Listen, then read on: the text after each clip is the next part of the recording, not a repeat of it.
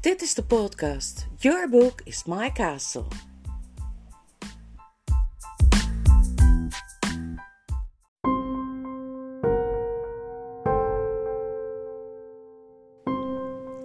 Het gebeurde zo onverwacht en het was iets zo totaal anders dan alles wat Diggory tot nog toe, zelfs in nachtmerries, ooit had meegemaakt, dat hij een schreeuw van afgrijzen gaf. Meteen hield oom Andreas zijn hand over Dickory's mond. Niks daarvan, siste hij in Dickory's oor.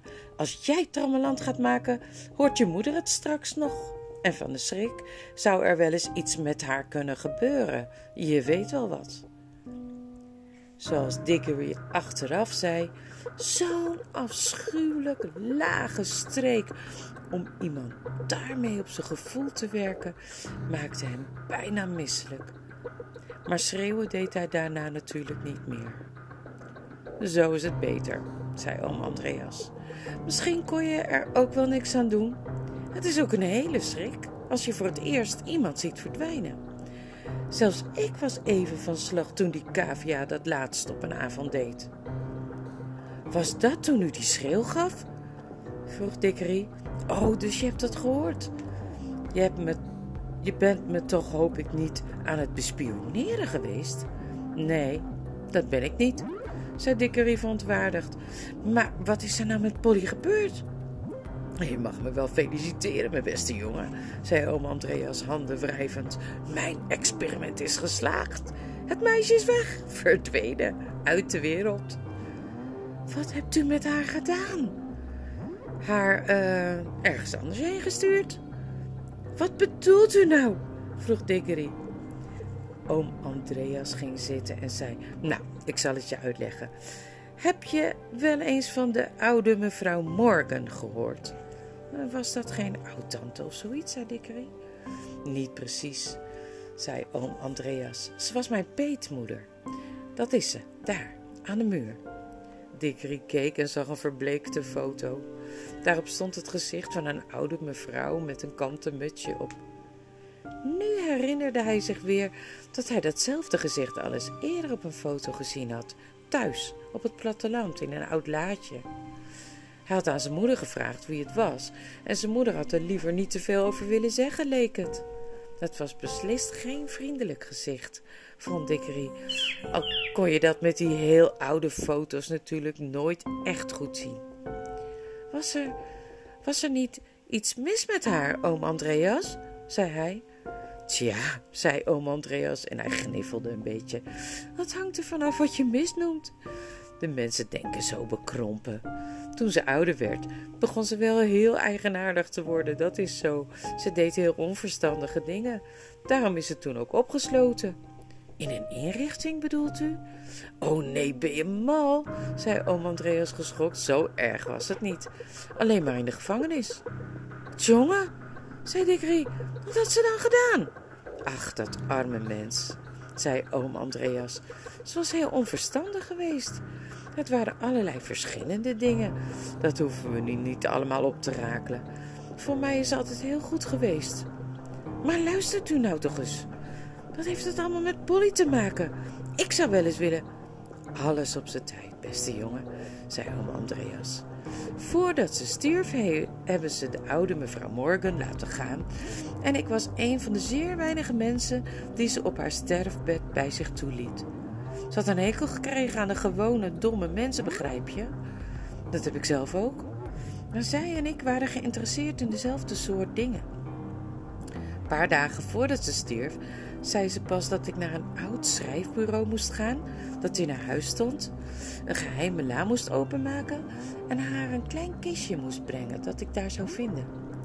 Zodra ik het kistje oppakte, voelde ik een tinteling in mijn vingers dat ik een geweldig geheim in mijn handen hield. Ze gaf het aan mij en liet me beloven dat ik het zodra ze dood was, zonder het open te maken zou verbranden, met bepaalde plechtige handelingen. En die belofte heb ik niet gehouden. Nou, dat was anders heel gemeen van u, zei Dickery. Gemeen, zei oom Andreas niet begrijpend. Oh, ik snap het al. Je bedoelt dat kleine jongens altijd moeten doen wat ze beloven. Zo hoort het ook. Dat is heel juist. Zeker, dat moet ook. En ik ben blij dat je dat geleerd hebt. Maar je begrijpt natuurlijk zelf ook wel dat je van dat soort regels, hoe uitstekend ze ook zijn voor kleine jongens en voor personeel en voor vrouwen, en zelfs voor mensen in het algemeen, onmogelijk kunt verwachten dat ze ook gelden voor grote geleerden, voor belangrijke denkers en wijze mannen. Nee, Dickory, mannen zoals ik, die verborgen wijsheid bezitten, hoeven zich niet aan die alledaagse regels te houden. Net zoals wij niet aan alledaagse genoegens kunnen deelnemen. Voor ons, beste jongen, is een hoge en eenzame bestemming weggelegd.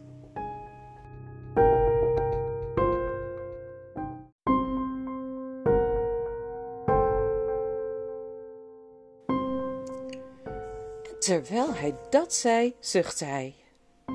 En hij zag er zo ernstig en nobel en geheimzinnig uit dat Dickery heel even het idee kreeg dat hij daar iets heel diepzinnigs zei. Maar toen herinnerde hij zich weer die gemene blik die hij vlak voordat Polly verdween op het gezicht van zijn oom had gezien. En in een flits doorzag hij de hoogdravende woorden van oom Andreas. Het enige wat hij bedoelt, zei hij bij zichzelf, is dat hij vindt dat hij alles kan doen waar hij maar zin in heeft, om alles te krijgen wat hij maar hebben wil. Natuurlijk, zei oom Andreas, durfde ik het kistje een hele tijd niet open te maken, want ik wist wel dat wat erin zat wel eens heel gevaarlijk zou kunnen zijn. Want mijn peetmoeder was een heel bijzondere vrouw. Om je de waarheid te zeggen, ze was een van de laatste stervelingen in dit land die nog elfenbloed in zich hadden. Ze zei dat er in haar tijd nog twee anderen geweest waren. De ene was een gravin en de andere een poetsvrouw. Dickery, eigenlijk sta je hier te praten met de laatste mens, denk ik, die nog een echte tovervee als peetmoeder heeft gehad. Dat is nog iets om later aan terug te denken, als je zelf een oude man bent, of niet soms. Ik wil wedden dat ze een boze vee was, dacht Dickery. En hardop zei hij: Maar Polly dan? Wat blijf je daar toch al over doorzeuren? zei oom Andreas, alsof het daarom gaat. Mijn eerste werk was natuurlijk het kistje zelf goed bekijken. Was heel erg oud. En zelfs in die tijd wist ik er genoeg van af om te weten dat het niet Grieks was, of Oud-Egyptisch, of Babylonisch, of Hittitisch, of Chinees. Het was ouder dan alle volken. Oh, wat een prachtig moment was dat toen ik het tenslotte ontdekte. Het kistje was Atlantisch. Het kwam van het verloren eiland Atlantis. Dat betekende dat het eeuwen ouder was dan al die dingen uit het stenen tijdperk die ze hier in Europa opgraven. En het was ook niet zo'n lomp, onbeholpen geval als die dingen zijn, want Atlantis was al helemaal aan het begin van de tijd een geweldige stad met paleizen en tempels en veel geleerde mensen. Hij stopte even, alsof hij verwachtte dat Diggory iets zou zeggen. Maar Diggory kreeg met de minuut een grotere hekel aan zijn oom en zei helemaal niks meer. Intussen, ging oom Andreas verder, leerde ik op andere manieren, het zou niet passend zijn aan een kind uit te leggen hoe, een heleboel over de toverkunst in het algemeen. Daardoor kreeg ik een aardig goed idee over wat voor soort dingen er in het kistje zouden kunnen zitten. Door verschillende onderzoekjes hield ik nog maar een paar mogelijkheden over. Ik moest ervoor met een aantal, nou ja, een aantal verduveld vreemde mensen kennis maken.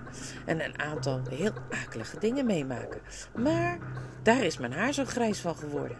Tovenaar worden kun je niet zonder een prijs te betalen. Uiteindelijk werd ik, er, werd ik er zelfs ziek van. Maar ik werd weer beter. En tenslotte wist ik het eindelijk.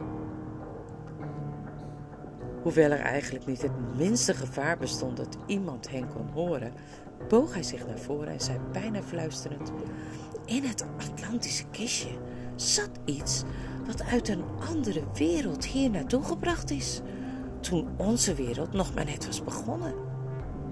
Wat dan? vroeg Dickery, die nu ondanks zichzelf nieuwsgierig begon te worden.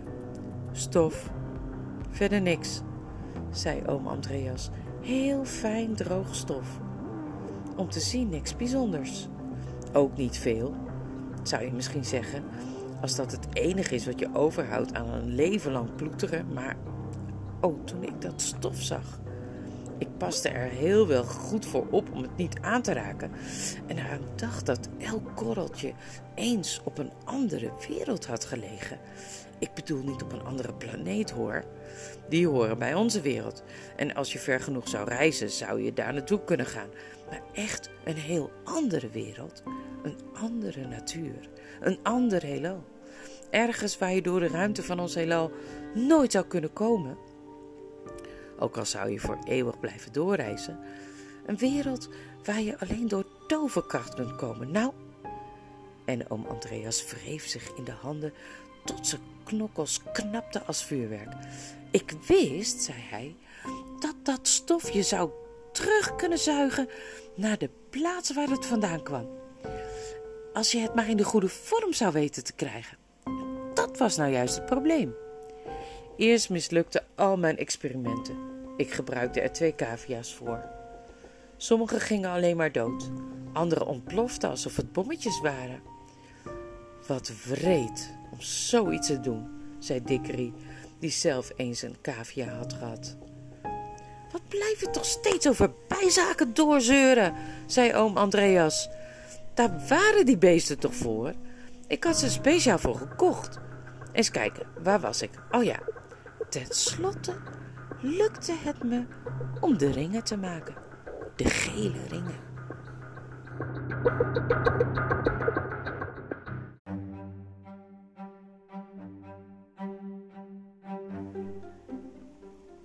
Maar nu stuitte ik op een nieuw probleem. Ik wist nu wel zeker dat zo'n gele ring elk levend wezen dat hem aanraakte zou overbrengen naar die andere plaats. Maar wat voor nut zou dat hebben als ik ze niet meer terug kon krijgen? Om me te vertellen hoe het daar is. En zij zelf dan, zei Dickery. Voor hen zou het ook geen pretje zijn als ze niet meer terug konden komen. Je bekijkt het ook altijd van de verkeerde kant, zei oom Andreas met een ongeduldig gezicht. Kun je niet begrijpen dat dit een geweldig experiment is? De enige reden waarom ik iemand naar de andere plaats stuur, is dat ik wil weten hoe het daar is. Waarom bent u dan niet zelf gegaan? Nog nooit had Dickery iemand zo verbaasd en beledigd zien kijken als zijn oom bij deze simpele vraag. Ik, ik, riep hij uit. Die jongen lijkt wel gek. Een man op mijn leeftijd en met mijn zwakke gezondheid. Blootstellen aan de schok en de gevaren van opeens een ander heelal binnengeslingerd te worden. Zoiets krankzinnigs heb ik van mijn leven nog niet gehoord. Besef je wel wat je zegt? Denk je eens in wat een andere wereld eigenlijk betekent. Daar kan je van alles overkomen. Van alles. En daarom hebt u Polly Emma heen gestuurd, zeker, zei Dickery. Zijn wangen gloeiden van kwaadheid. En alles wat ik ervan kan zeggen, zei hij er nog bij, ook al bent u mijn oom, is dat u zich als een lafaard hebt gedragen door een meisje ergens heen te sturen waar u zelf niet naartoe durft. Zwijg jij, zei oom Andreas, en hij sloeg met zijn hand op de tafel. Dat laat ik me niet zeggen door een klein vuil schooljongetje. Je begrijpt het niet. Ik ben de grote geleerde, de tovenaar, de ingewijde die het experiment uitvoert. Natuurlijk heb ik proefkonijnen nodig om het op uit te proberen. Nu moet je het niet gekker maken. Straks vertel je me nog dat ik die cavia's om toestemming had moeten vragen voordat ik ze ging gebruiken. Om grote wijsheid te verkrijgen moet je offers brengen. Maar het idee dat ik zelf zou gaan is belachelijk. Het is net zoiets als van een generaal vragen dat hij meevecht als gewoon soldaat. Stel je voor dat ik verongelukte. Wat zou er dan van mijn levenswerk terechtkomen? Oh, hou ze op met dat geleuter, zei Dickery. Laat u Polly ook weer terugkomen? Toen jij me zo onbeleefd in de reden viel, wilde ik je juist vertellen, zei oom Andreas, dat ik tenslotte toch een manier heb ontdekt om de reis terug te maken. Die groene ringen brengen je weer terug. Maar Polly heeft geen groene ring. Nee, zei oom Andreas met een vreed lachje. Dan kan zij niet meer terug, riep Dickery. En dat is precies hetzelfde als wanneer u haar vermoord had. Ze kan wel weer terug, zei oom Andreas, als er iemand achter haar aan wil gaan, die zelf een gele ring om heeft en de twee groene bij zich heeft. Eén om zelf weer terug te komen en één om haar terug te brengen. Nu zag Dickery natuurlijk wel hoe zijn oom hem in de val had, lopen, had laten lopen. Hij staarde oom Andreas aan zonder een woord te zeggen. Zijn mond wijd open. Zijn gezicht was heel bleek geworden. Ik hoop, zei oom Andreas intussen heel gewichtig, alsof hij de ideale oom was die je op een goed idee hebt gebracht en die je nog een goede raad meegeeft. Ik hoop, Dickery, dat jij een dappere vent bent. Ik zou het erg naar vinden als er in onze familie iemand was die niet genoeg eergevoel en ridderlijkheid had om een dame in nood te hulp te komen. Ach, houd toch op, zei Dickery. Als u zelf ook maar een klein beetje eergevoel en al die dingen had, zou u zelf gaan. Maar dat zou u nooit doen, goed dan. Ik begrijp dat ik het wel zou moeten doen. Wat bent u een valserik, zeg. U hebt het vast allemaal van tevoren bedacht, zodat ze weg zou gaan zonder er iets van te weten. En dan moest ik haar wel achterna gaan. Dat spreekt vanzelf, zei oom Andreas met zijn weerzinwekkende lachje. Oké, dan ga ik wel. Maar eerst wil ik toch echt nog één ding zeggen. Tot vandaag heb ik nooit in toverij geloofd. Nu zie ik dat het bestaat. En als dat zo is, dan zal er in al die oude sprookjes wel iets waar zitten. En u bent gewoon net zo'n vrede, boze tovenaar als in de sprookjes. Nou, ik heb nog nooit een verhaal gelezen waarin dat soort mensen aan het eind niet hun verdiende straf kregen. En dat krijgt u vast nog wel. Net goed. Van alles wat Dickery gezegd had, was dit de eerste opmerking die doel trof. Oom Andreas schrok. Een doodsangst stond ineens duidelijk op zijn gezicht te lezen. Dat je, ook al was je zo'n valserik, ook al was hij zo'n valserik, je toch nog bijna medelijden met hem zou krijgen.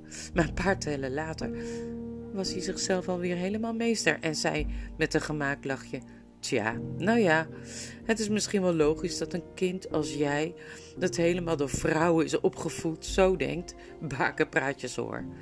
Ik geloof niet dat je om mij zorg hoeft te maken, Dickory. Zou het niet beter zijn je zorgen te maken over de gevaren die je vriendinnetje bedreigen? Ze is al een hele tijd weg. Als daar gevaar dreigt, ja, dan zou het jammer zijn als je net te laat kwam. Net of u dat wat kan schelen, zei Dick fel. Maar ik ben kotsmisselijk van uw gekwezel. Wat moet ik doen? Je moet echt leren niet zo opvliegend te zijn, jongen, zei oom Andreas koeltjes. Anders word je later net als je tante Letty. Goed dan, nu opletten. Hij stond op, trok een paar handschoenen aan en liep naar het dienblad met de ringen. Ze werken alleen, zei hij, als ze je huid echt aanraken. Met handschoenen aan kan ik ze oppakken. Kijk, zo en gebeurt er niets. Als je er één in je zak hebt, gebeurt er ook niets. Maar dan moet je natuurlijk wel goed oppassen dat je niet per ongeluk je hand in je zak steekt en hem aanraakt. Zodra je zo'n gele ring aanraakt, verdwijn je uit deze wereld. Als je daar ginds bent, verwacht ik, dat is natuurlijk nog niet onderzocht, maar ik verwacht dat je dan, zodra je een groene ring aanraakt, uit die wereld verdwijnt en weer in deze te tevoorschijn komt. Goed, nu neem, nu neem ik deze twee groene en ik doe ze in je rechterzak. Onthoud goed in welke zak de groene zitten. De G van groen en de R van rechts. Begrijp je? Dat zijn de eerste twee letters van groen. Eén voor jou, één voor het meisje. Nu moet je voor jezelf een gele oppakken. Ik zou hem omdoen aan je vinger als ik jou was. Dan kun je hem niet zo makkelijk laten vallen. Dickery had de gele ring al bijna gepakt, toen hij plotseling bleef staan. Ja, maar, zei hij, mijn moeder dan? Als ze nou eens vraagt waar ik ben. Hoe eerder je gaat, des te eerder ben je weer terug, zei oom Andreas opgewekt. Maar u weet niet eens zeker of ik wel terug kan komen. Oom Andreas haalde zijn schouders op en liep naar de deur, draaide hem van het slot, gooide hem open en zei: Nou, goed dan, zoals je wilt. Ga maar naar beneden, ga maar eten. Laat dat kleine meisje daar maar om opgegeten te worden door wilde dieren, of te verdrinken of te verhongeren in die andere wereld, of om daar voor eeuwig te moeten blijven. Als je dat liever wilt, mij maakt het niet uit. Alleen kun je voor het eten misschien beter even bij mevrouw Plammer langs gaan om uit te leggen dat ze haar dochter nooit meer terug zal zien, omdat jij bang was om een ring om te doen. Verdraaid, zei Diggory. Wat wou ik graag dat ik al groot genoeg was om u een enorme oplawaai te verkopen. Toen knoopte hij zijn jasje dicht, haalde heel diep adem en pakte de ring. Hij vond, en dat bleef hij later ook altijd vinden, dat hij geen andere keus had.